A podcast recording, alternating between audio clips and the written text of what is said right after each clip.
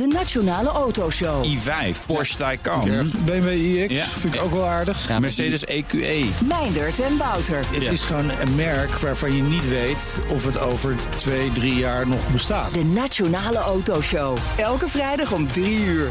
De Nationale Autoshow wordt mede mogelijk gemaakt door Van Mossel. Van Mossel, voor mobiliteit voor iedereen. De column van Marianne Zwagerman. De cardioloog die Mitch Enriquez behandelde de ochtend na zijn hardhandige arrestatie in Den Haag schrok toen hij de man zag. Een verschrikkelijk toegetakelde meneer. Dit zien wij niet vaak, zei hij zaterdag in Argos. Hij bekeek het filmpje van de arrestatie dat door omstanders was gedeeld op sociale media. Pas toen begreep hij de ernstige verwondingen waaraan zijn patiënt zou overlijden. Tijdens de rechtszaak tegen de agenten kwam het OM met onduidelijk beeldmateriaal. Maar de advocaat van de nabestaanden toverde eenvoudig de haarscherpe beelden tevoorschijn. Een van de vele voorbeelden waarom we zo ontzettend blij mogen zijn met sociale media. Ja, ze zijn een ophefgenerator van je welste, maar vaak is dat goed.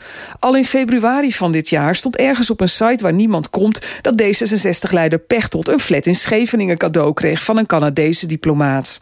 Pas na aanhoudend gevroed door een twitteraar werd dat nieuws gisteren opgepakt door de media. Sociale media zijn het medicijn tegen spindokters, machtsmisbruik, censuur, doofpotten en ander akeligs. De voorbeelden zijn talrijk, veel talrijker dan de zeer magere bewijsjes waarmee het kabinet en de EU hun taskforce tegen desinformatie legitimeren. Maar geen woord over de verworvenheden van sociale media en hun democratiserende werking in het CPB-rapport Beleid voor Platforms dat vrijdag verscheen. Ook vrijwel geen woord over de enorme marktverstoring van deze platforms op het businessmodel van de Nederlandse journalistiek.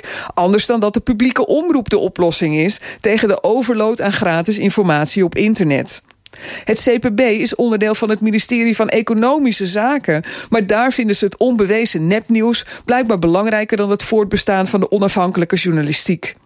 Er wordt alleen in een voetnoot verwezen naar een Duits onderzoek waaruit zou blijken dat de lage opkomst bij de verkiezingen in het Verenigd Koninkrijk komt door de beschikbaarheid van breedband, waardoor nieuws minder belangrijk wordt in het mediaaanbod. Om de bui voor te zijn, startte Twitter zelf gisteren maar met een grote schoonmaak van het gebruikersbestand. De eerste gesneuvelden zijn de leiders van Britain First, het clubje dat laatst door Donald Trump werd geretweet. Een clubje waarvoor je het niet snel op wilt nemen. En zo sluit het net rondom de vrije informatievoorziening en meningsuiting zich.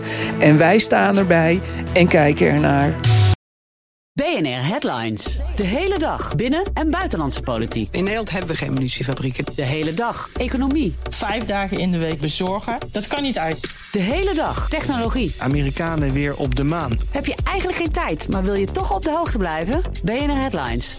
Het laatste nieuws, maar dan in het kort. Ga naar je podcast-app en abonneer je op BNR Headlines.